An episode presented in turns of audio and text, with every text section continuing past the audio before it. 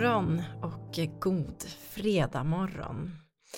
Idag den 29 december 2023 och eh, årets 363 dag.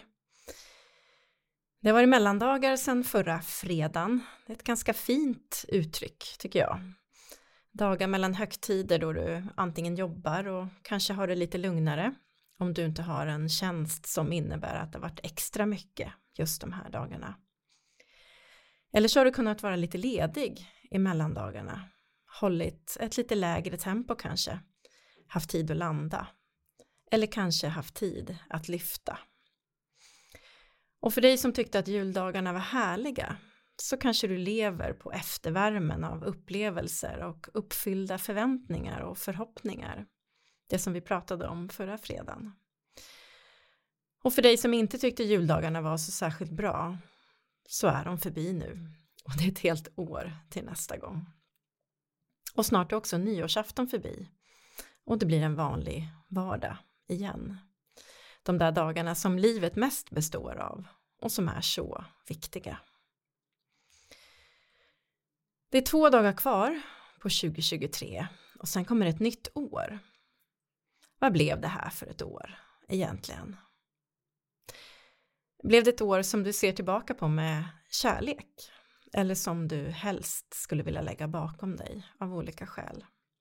Eller kanske både och? Eller någonting helt annat? För mig är det något högtidligt med att byta år. Lite som att få ett, en omstart, men också en summering av min berättelse. Min årsberättelse, som livet blev det här året, 2023. Så idag ska jag dela med mig av metoder för att blicka bakåt och använda det för att planera framåt på ett kraftfullt sätt. Och jag hoppas att du har det bra där du är just nu och att du kan ha en egen queen morning en stund. En morgon som är din eller när helst du lyssnar på dagen förstås. En stund för dig själv. Och stannar du kvar här med mig ungefär en halvtimme nu så hoppas jag att du ska känna dig påfylld och ha fått lite nya perspektiv. Och kanske du också känner dig motiverad att både se bakåt och våga se framåt och se glädjen och nyttan med det. Och innan vi dyker in i alla de här tankarna, se dig omkring där du är just nu. Fäst gärna blicken vid någonting som är vackert att se på och låt blicken vila där. Och sen andas du fem medvetna andetag. De behöver inte vara djupa, men medvetna. Andetag som du tänker på när du tar dem. Och håll fast blicken och titta på det du ser. Ibland kan det vara lättare att hitta ett medvetet andetag om man också låter ögat få ett intryck. Jag heter Ann Ebradsson och jag är grundare av den här podden Queen Morning och min verksamhet som jag kallar för Queen of My Life. Och både podden och min verksamhet handlar om hållbar utveckling och hållbarhet på många olika sätt. Och den handlar också om lönsamhet och framgång. För jag tror att allt det här hänger ihop. Lönsamhet inom våra organisationer ger upphov till flera positiva effekter och fördelar både för organisationen självt men också för de intressenter och aktörer som finns där och inte allra minst för oss som jobbar där. Och i utmanande tider som vi lever i just nu med den klimatpåverkan vi har, med instabilitet i världen och i våra närområden med minskade resurser, ökad inflation, ökade sjukskrivningar, stresstal, råvarubrister och logistikproblem. Allt det här som kostar så mycket kraft och energi och pengar och människors liv och hälsa, välmående, fri och rättigheter. Då behöver vi våga tänka hållbar utveckling som leder till mer hållbarhet som också leder till lönsamhet och som leder till framgång. Och det finns många exempel på det.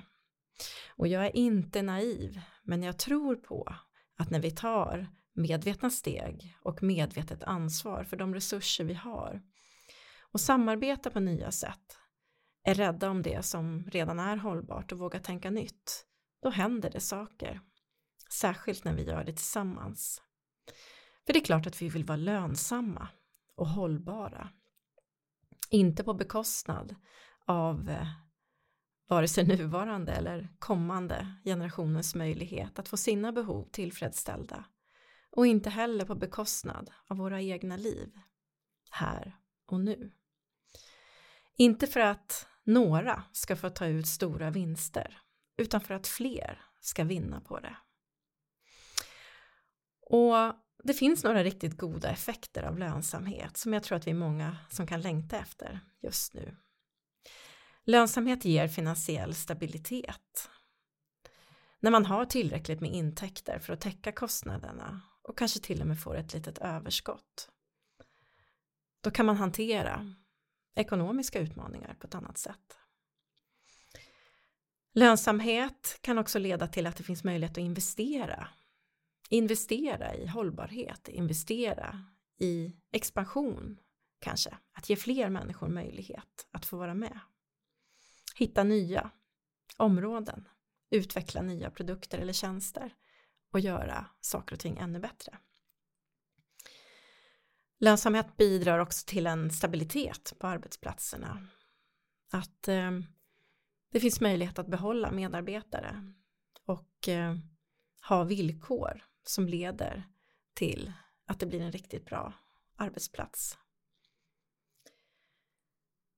Det är också så att lönsamma organisationer oftare har möjlighet att engagera sig socialt i ett socialt ansvarstagande och i olika typer av samhällsengagemang.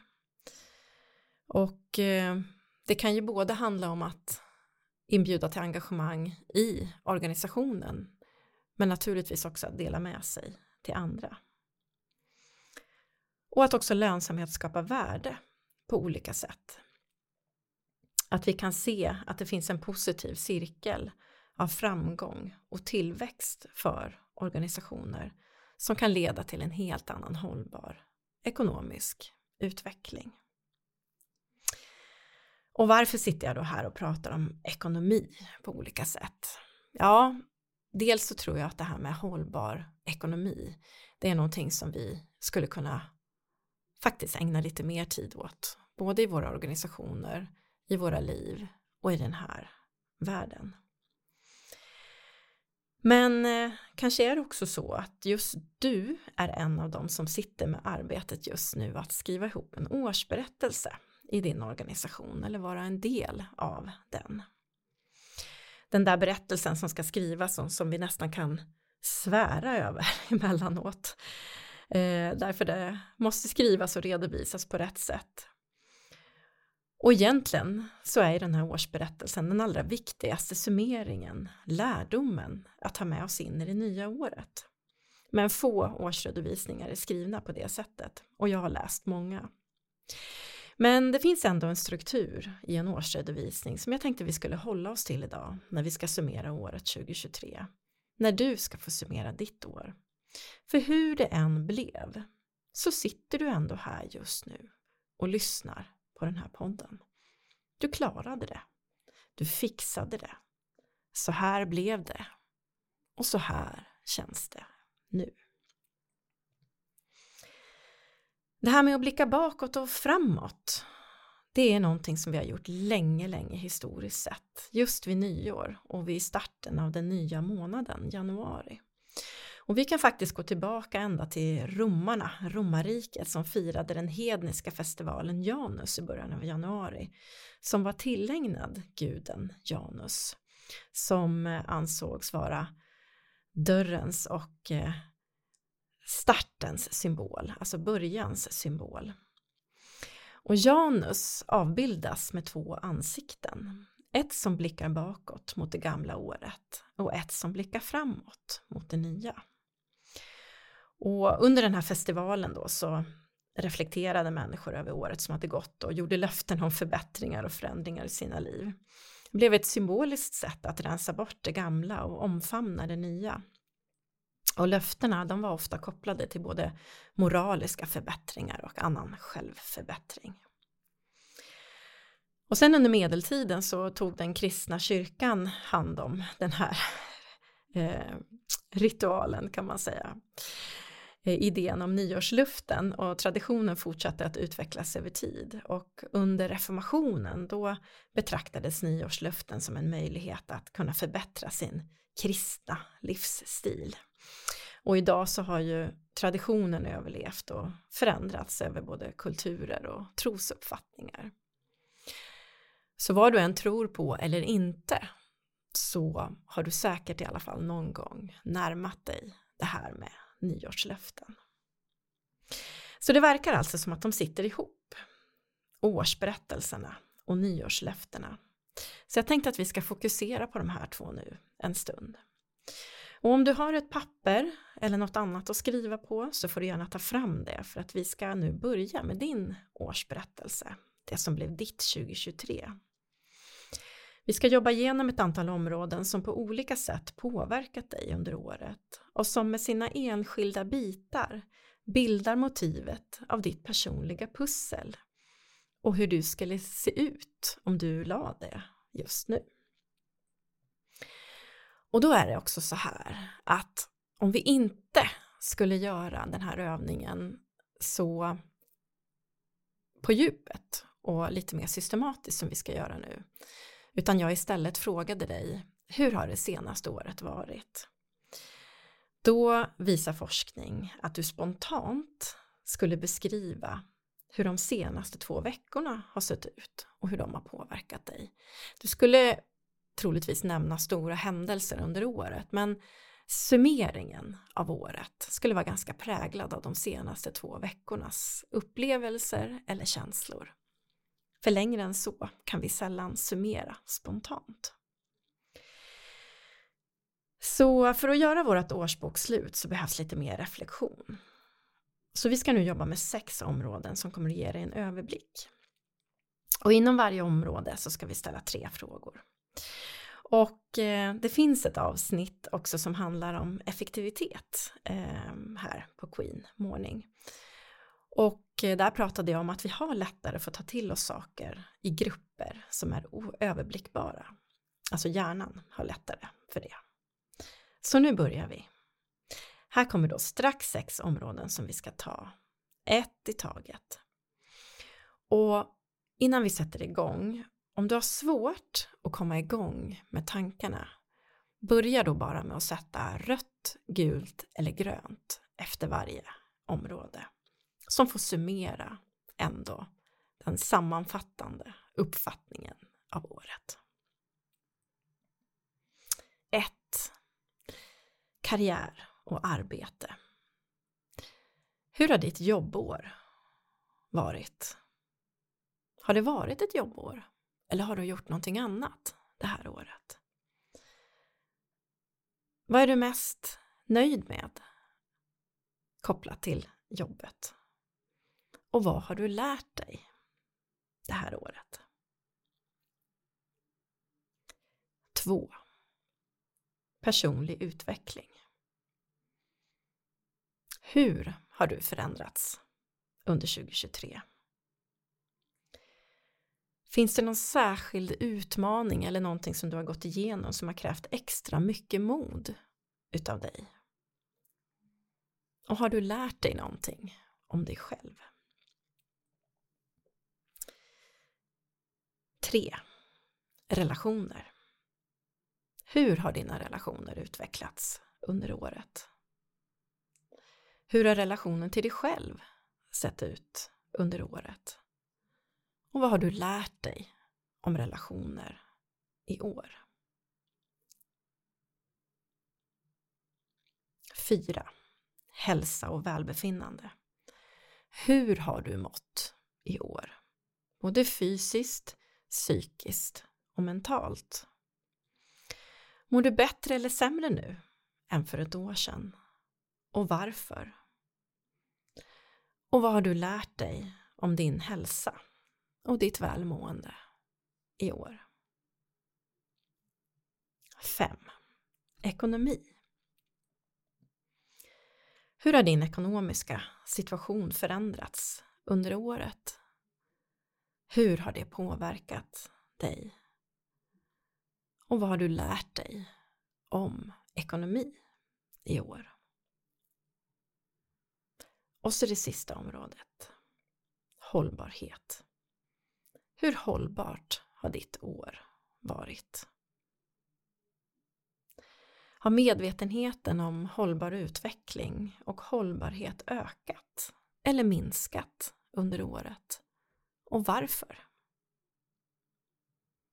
Vad har du lärt dig om hållbarhet i år?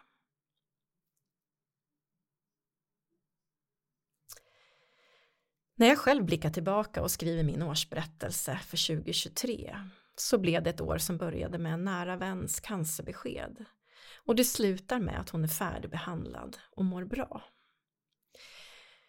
Mitt jobbår har varit roligt och givande med allt det här som jag får vara en del av varje dag i mina olika roller.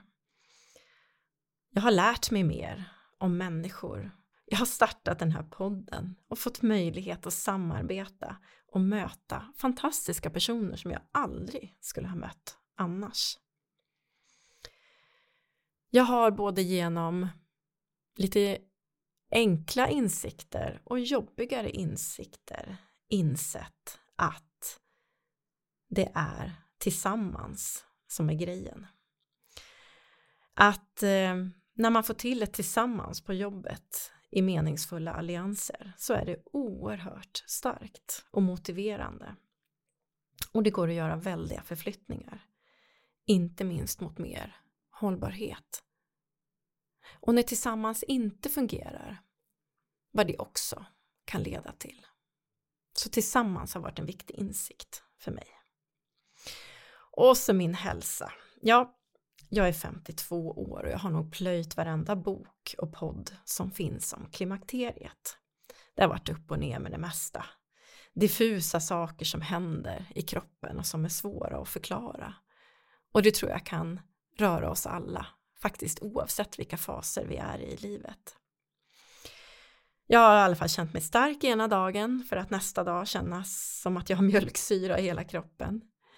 Energi och kraft ena dagen och sen andra dagar som börjar med morgonsorg, ledvärk, huvudvärk, sendrag, sömn, god sömn och sömnlöshet.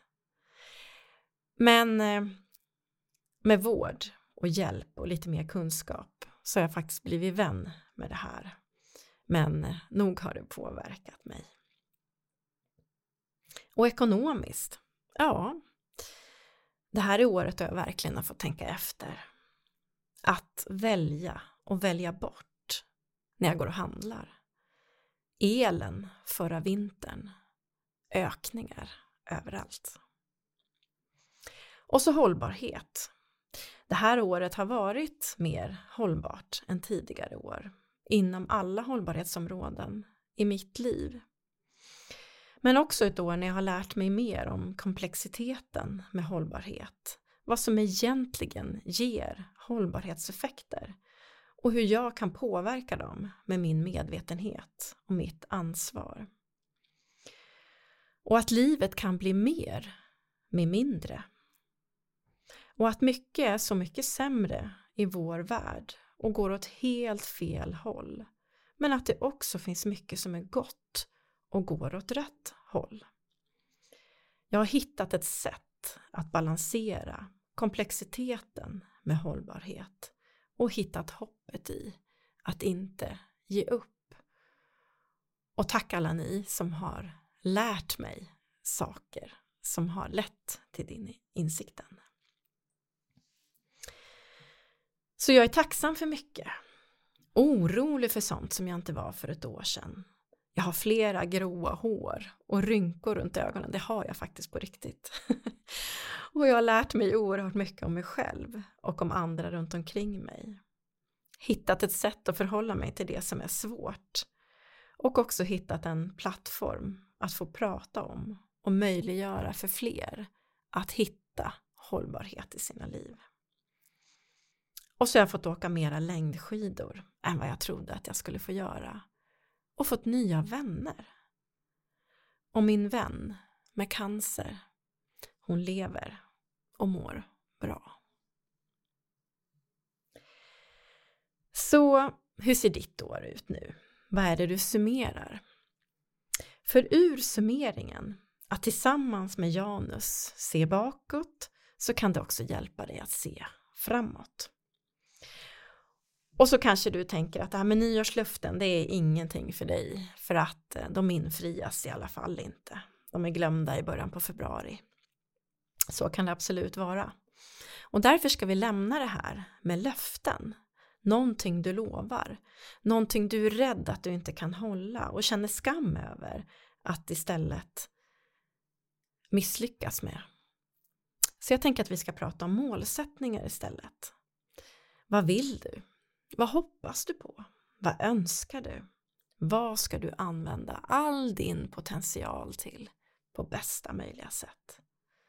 Vad vill du lära dig? Och eh, kan ditt förhållningssätt till allt det här påverka resultaten sen? Kan tankar på lönsamhet och tillväxt med hållbarhet som grund hjälpa dig? Carol Dweck, hon är professor i psykologi vid Stanford University i Kalifornien i USA. Och hon har forskat inom psykologi förstås då och särskilt inom områdena motivation och självbild och inlärningsteorier. Och hon har utfört då omfattande forskning inom mindset, alltså olika sätt att tänka och hur våra olika sätt att tänka kan påverka prestation och utveckling. Och hon har utvecklat två koncept, det som kallas för fast mindset. Nu sa jag faktiskt fel. Det ska vara fast mindset. Det var ett engelskt och ett svenskt ord. Fast mindset, alltså det som är fast. Och tillväxt mindset. Och hur de här olika tankesätten påverkar våra sätt att möta utmaningar och sträva efter framgång. Så vad är då skillnad på ett fast mindset och ett tillväxtmindset? Mm. Personer som har ett fast mindset tror att eh, eh, den intelligens vi har och de färdigheter vi har det är liksom grundläggande och de är ganska oföränderliga. Att de egenskaper vi har, de finns liksom inneboende och med oss och givna från födseln och eh, förändras inte så särskilt mycket under livet. De här personerna undviker ofta utmaningar för att man är rädd för att misslyckas och rädd för att bli avslöjad med brister i den här grundläggande intelligensen. Och när de här personerna stöter på motgångar eller misslyckanden då kan man uppleva det som ett hot mot självbilden och vilja ge upp väldigt mycket lättare. Och det kan också vara så att de tror att ansträngning, att försöka förbättra något eller lära sig något är meningslöst. För de har redan en fast nivå av intelligens eller förmåga. Och då kanske du tänker, nu finns de här människorna? Jo, men det gör de. Och vi har lite av oss allihop, mer eller mindre, i oss. För vi är ju komplexa som individer. Sen har vi det här tillväxtmindsetet då. Och eh, de personerna tror att den intelligens och de färdigheter eller ja, de förmågor vi har med oss de utvecklas genom att vi anstränger oss, lär oss och eh, är uthålliga. Och eh, de här personerna ser helt andra potentialer för förbättring och tillväxt oavsett var man befinner sig. De här personerna kan också söka utmaningar på olika sätt. Ehm, man omfamnar utmaningar och möjligheter och ser dem som möjligheter att växa och förbättra sig själva. Och när man stöter på motgångar så ser de här personerna det som en situation att övervinna genom att lära sig och göra annorlunda nästa gång. Och att ansträngning i sig är en nödvändig del av lärandet. Därför att framsteg kräver tid och engagemang. Jag tycker att det här är ganska intressant med de här två olika sätten att eh, förhålla sig. Och eh, att vi både kan ha det här fasta mindsetet och ett tillväxtmindset. Men att eh, det också är så att det är viktigt, säger Dwex, att vi odlar, odlar vårt tillväxtmindset.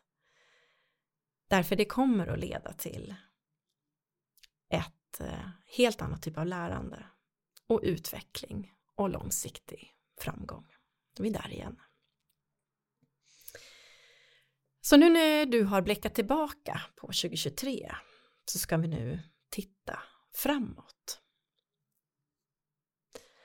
Och då gör vi det med samma områden. Därför reflektion, det är ju en väldigt viktig del av lärandet. Vi kan till och med se i hjärnan när vi lär oss hur hjärnan påverkas om man gör en EEG för att mäta hjärnvågsmönster. Men eh, tittar vi framåt, då vet vi ju faktiskt egentligen ingenting. Vi kan bara tänka oss att det ska komma årstider och dagar och veckor. Men eh, med samma lista och så kan du addera områden också om du vill så ska vi nu titta på året som kommer. Och då kan du börja med att titta på hela listan av områden och igen sätta rött, grönt eller gult och gärna fokusera på bara högst tre områden där du skulle vilja ha målsättningar under 2023. 2024, nu sa jag fel igen. Det är lurigt det här med byta år. Och eh, i de här tre områdena, där vill du kanske, eller behöver göra någon typ av förflyttning av något skäl under 2024. Och då finns det väldigt framgångsrikt sätt att jobba med målsättningar. Och det är det här att backa tiden.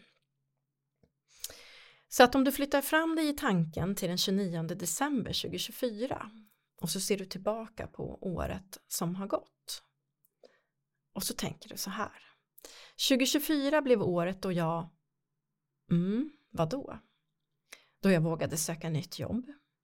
Äntligen tog ut min examen. Engagerade mig mer i sociala sammanhang.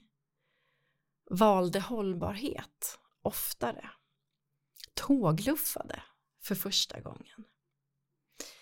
Tre områden rekommenderar jag att du hittar. Och så formulerar du dem för dig på ett sätt som känns som ditt. Och du behöver också formulera första steget, att komma igång. Och ska du då till exempel, 2024 blev året när jag vågade söka nytt jobb och jag började med att, och där är du igång redan. När du sedan har formulerat de här områdena, då behöver du också fundera över om det finns någonting som ligger i vägen. Var det något som låg i vägen för att du skulle kunna klara av det här? Och då är det klart att vi är ju massor vi inte vet om vad som ska hända. Men vi kan ändå planera för hållbarhet, för framgång, för lönsamhet, för ett tillväxt-mindset.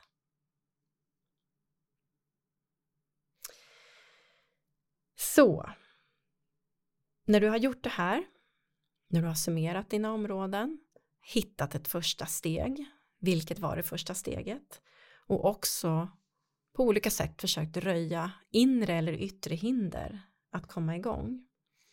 Då kan du också behöva någon att göra det här tillsammans med. En sån person som du kan dela det här med Och också gå tillbaka till och hämta kraft och motivation de dagar som det tryter, för de dagarna kommer också. Vad behöver jag fokusera på när det är jobbigt? Var kan jag hämta kraft? Och vem kan jag samarbeta med? Och genom att formulera dig på det här sättet så kommer fler av dina målsättningar eller nyårslöften eller vad du vill kalla det för att nås. Att tänka på det här sättet är inte kravfyllt, inte skuldbelagt, inte någonting du gör sen, utan det är framåtsyftande.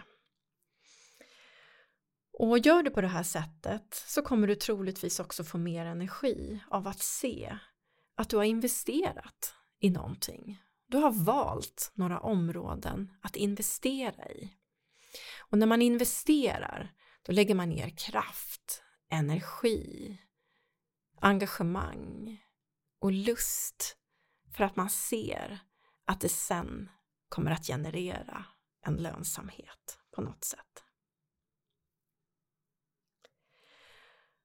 Och det här sättet att tänka det fungerar också om du har något riktigt svårt framför dig i år.